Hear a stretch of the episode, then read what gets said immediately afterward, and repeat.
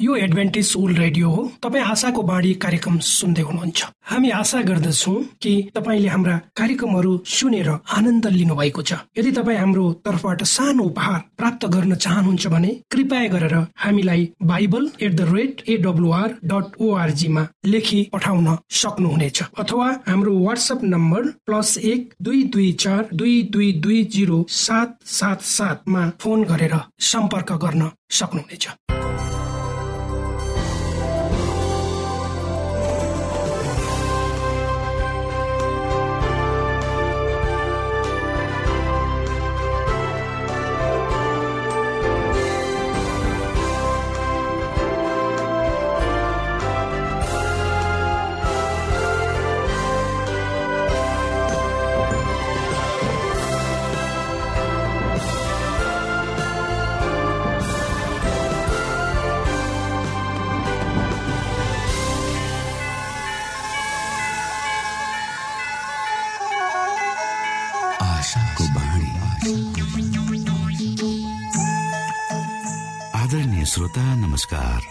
समय तपाईँ Adventist world रेडियोको प्रस्तुति भोइस अफ होप आशाको बाणी कार्यक्रम सुन्दै हुनुहुन्छ। कार्यक्रम प्रस्तुता म रवि यो समय तपाईँको साथमा छु। हामी यहाँलाई हाम्रो कार्यक्रममा सहभागी हुनका लागि अनुरोध गर्दछौ। हामी साँचो परमेश्वर तपाईँलाई माया गर्ने परमेश्वर तपाईँलाई उद्धार गर्न चाहने परमेश्वरका विषयमा जानकारीहरू प्रस्तुत गर्ने क्रममा छौ। सुरुमा सुनौ यो आत्मिक भजन।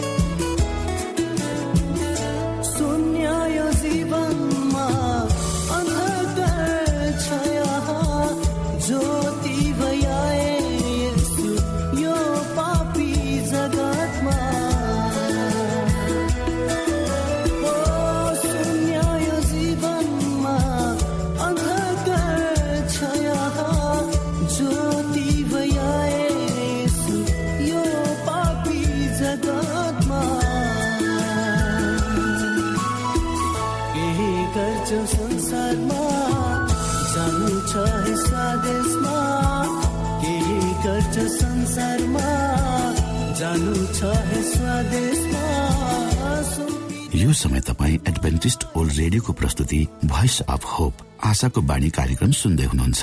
श्रोता मित्र यो समय हामी पास्टर उमेश पोखरेलबाट आजको बाइबल सन्देश सुन्नेछौ। श्रोता साथी न्यानो अभिवादन साथ म तपाईँको आफ्नै आफन्त अर्थात् पास्टर उमेश पोखरेल परमेश्वरको वचन लिएर यो रेडियो कार्यक्रम मार्फत पुनः तपाईँहरूको बिचमा उपस्थित भएको छु। श्रोता आउनुहोस् तपाईँ हामी केही समय सँगसँगै परमेश्वरसँग बिताउ।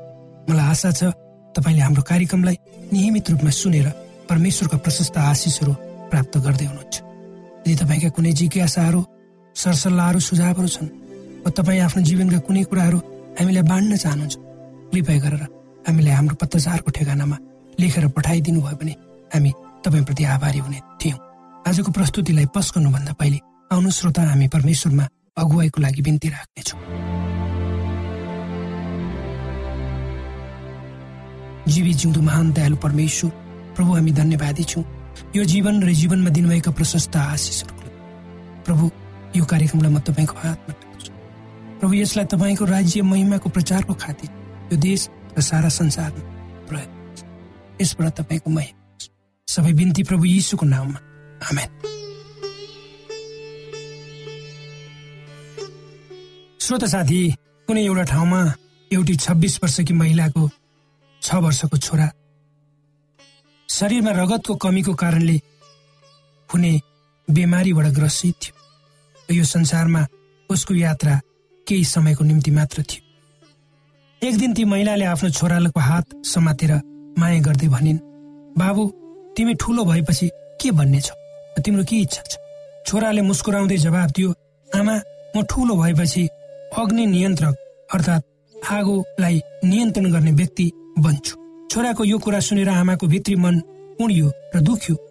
तर किनकि उनलाई थाहा थियो उनको छोरो यो संसारमा केही दिनको पाहुना मात्र हो भनेर।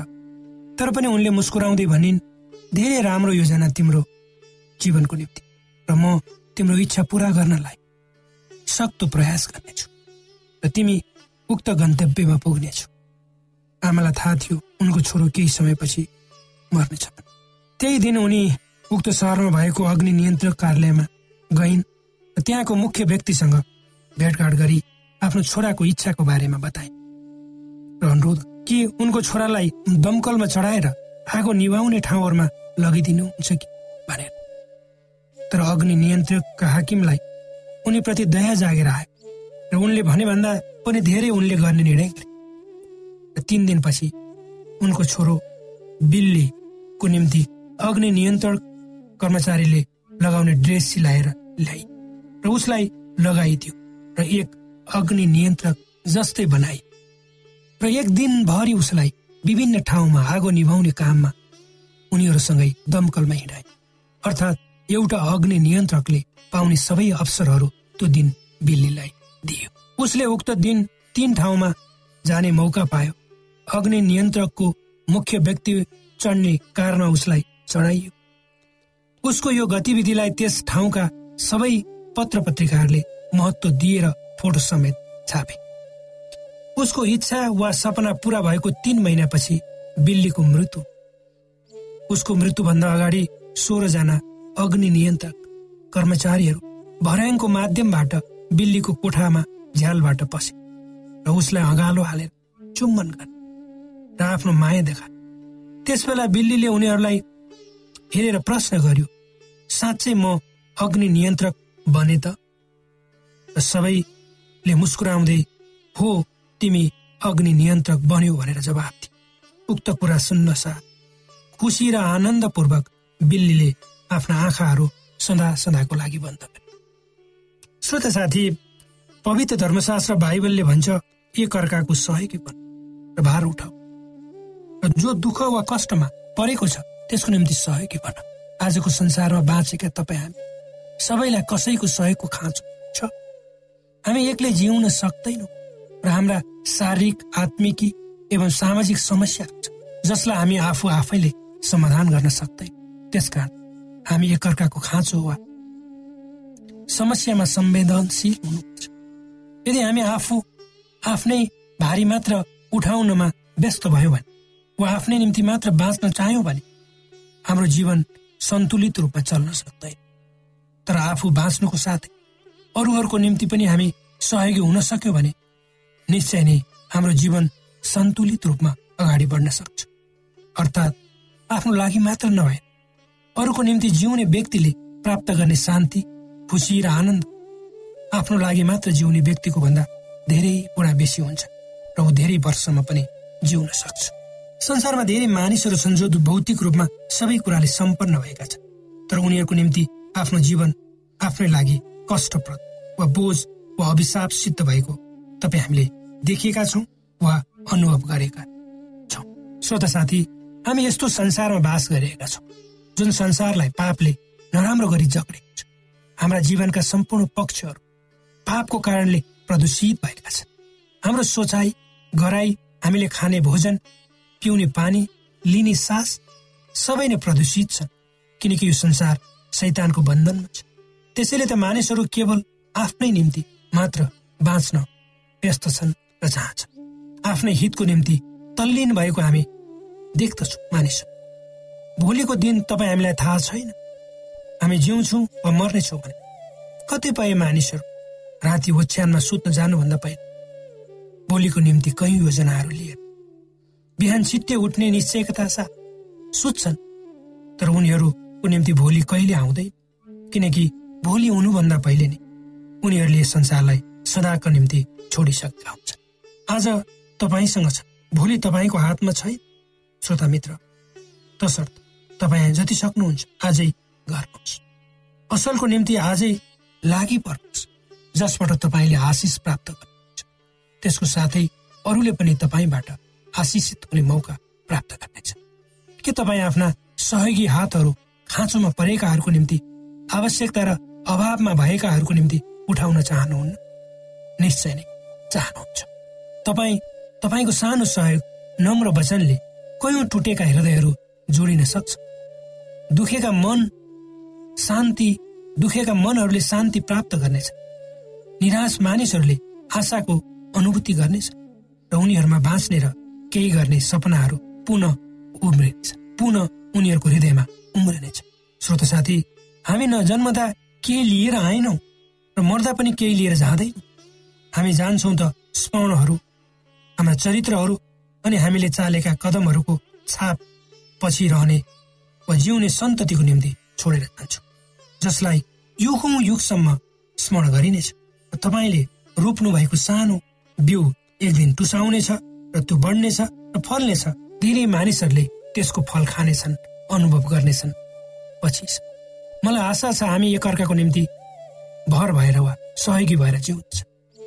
कोही लडेको छ भने उसलाई सहारा दिएर उठाउनेछु। कोही कष्टमा छ भने उसलाई सान्त्वना र सहयोग गर्नेछु। ताकि हामीले आफ्नो जीवनको पुरा उपभोग परमेश्वरको महिमाको खातिर गर्नेछौँ। तब मात्र हाम्रो जीवनको सार्थकता सिद्ध हुनेछ। श्रोत साथी मलाई आशा छ तपाईँ आफू र आफूभित्रबाट उठेर बाहिर निस्कनुहुनेछ। तपाईँको सोचाइ तपाईँको विचार तपाईँको संसारलाई हेर्ने दृष्टिकोण आफूमा होइन त्यसबाट माथि उठेर। तपाईँले यो संसारमा रहँदाखेरि तपाईँ जे गर्नुहुन्छ तपाईँको जीवन रूपी यात्रा आफू साथसाथै। अरूलाई पनि साथ लिएर। अरूहरूको दुःख कष्टमा। तपाईँ सहभागी। चाहे तपाईँको बोलीले होस् तपाईँको वचनले होस् चाहे तपाईँको सानो सहयोगले किन जीवन बडो महत्त्वपूर्ण छ। समय पनि महत्त्वपूर्ण छ। र कुनै पनि कुरा यदि तपाईँ गर्न चाहनुहुन्छ भने श्रोता म भोलि गर्छु भनेर नभन्नुहोस्। आजै गर्नुहोस्। परमेश्वरले तपाईँलाई आशिष दिनुहोस्। तपाईँको जीवन सफल होस्।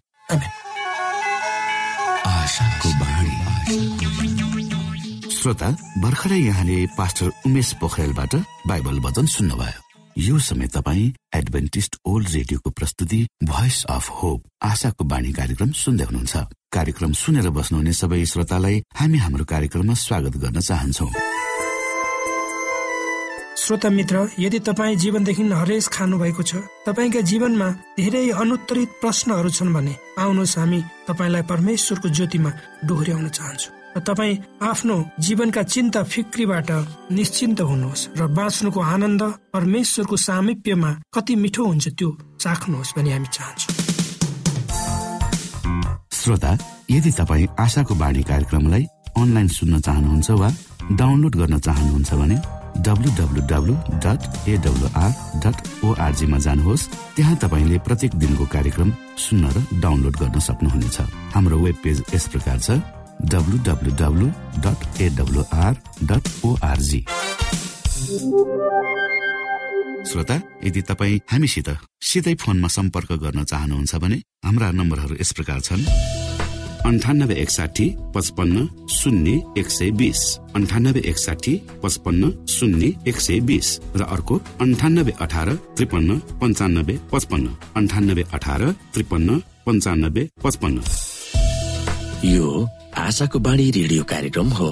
म धनलाल राई यहाँहरूलाई यस कार्यक्रममा न्यानो स्वागत गर्दछु। आजको समसामयिक विषयको प्रस्तुतिका साथ मिना राई। श्रोत साथी उद्देश्य प्रेरित आत्मा परिवर्तित कथाहरूमा आजको कथा ओल्गाची र चोनिची श्रीमतीको प्रार्थनाले जवाफ पाउँछन् बेलिज।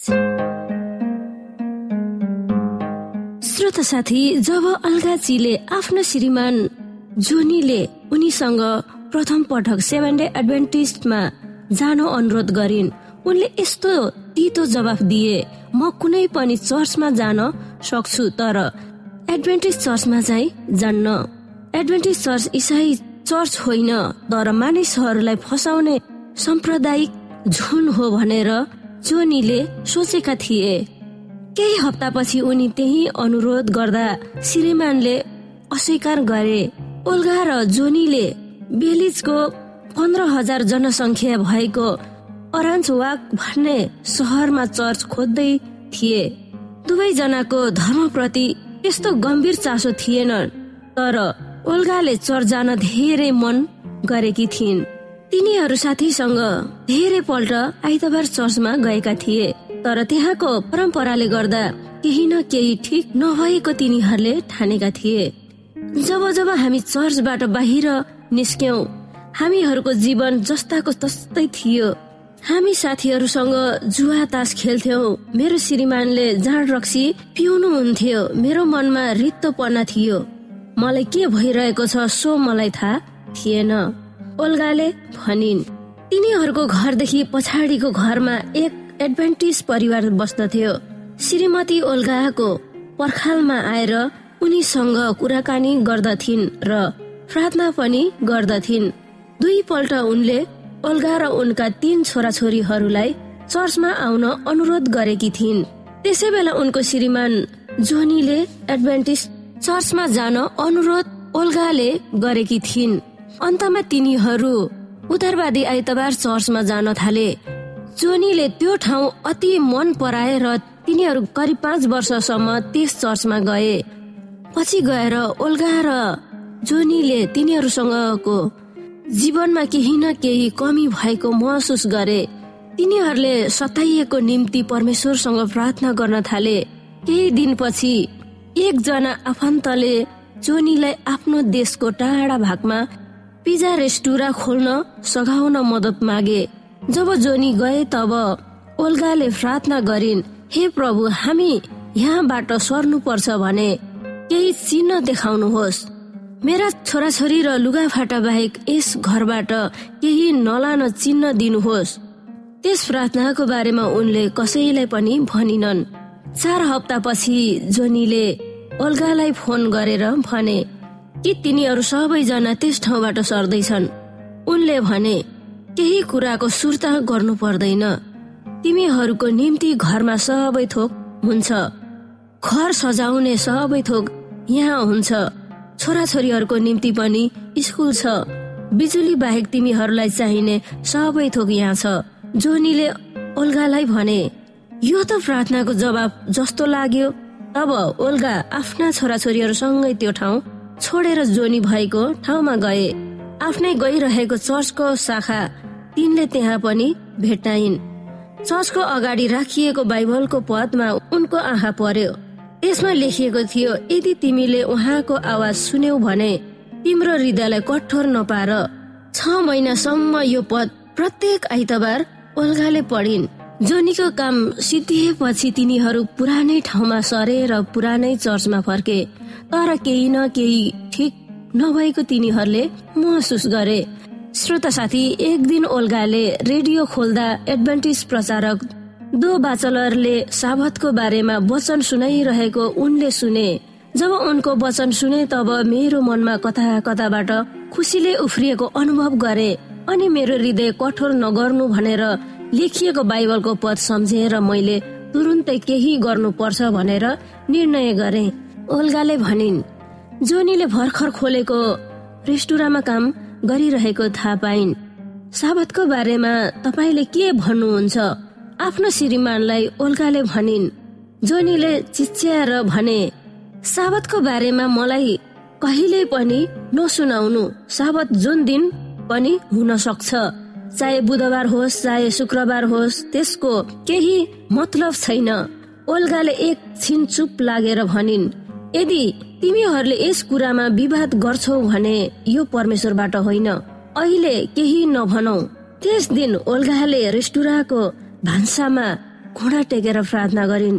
हे प्रभु यदि सावत पालन गर्ने तपाईँको चाहना हो भने मेरो श्रीमान पनि मसँग चर्चमा आउन दिनुहोस्। तपाईँले नै हामी परिवारलाई सृष्टि गर्नु भएको हो र परिवार टुक्रिएको तपाईँ चाहनुहुन्न। त्यस रात ओल्गा बेलुका नौ बजे सुत्न गइन्। त्यस रात एक बजे जब बाथरुम जान उनी उठिन् तब जोनी कम्प्युटरको अगाडि बाइबल खोलेर पढिरहेको उनले देखिन्। उसले बाइबलमा केही न केही खोजिरहेको थियो। जोनीलाई केही पनि नभनेर र ओल्गा फेरि सुत्न गइन्। भोलिपल्ट बिहान ओल्गा काममा जान लागेको बेलामा उनलाई अचम्म पार्दै जोनीले भने के तिमीलाई थाहा छ?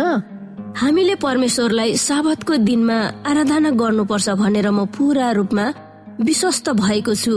मन कसरी बदलियो भनेर ओल्गाले आफ्नो श्रीमानलाई सोधिन्। तिमी सुत्न गएपछि मैले टेलिभिजन खोलेर दो बाचलरको कार्यक्रम हेर्न पुगे। उनले दस आज्ञाहरूको बारेमा प्रचार गर्दै थिए। कतिपय मानिसहरूले चौथो आज्ञाको बारेमा गलत शिक्षा दिइरहेका छन् भनेर उनले भने। अनि मैले राति बाइबलमा उनले भनेको कुरा कतिको सत्य छ भनेर खोज नीति गरेको थिए। जोनीले भने त्यसको अर्को सावत ओल्गा र जोनी एडभेन्टिज चर्चमा गए र त्यहाँबाट तिनीहरू फेरि कहिले पनि फर्केनन्।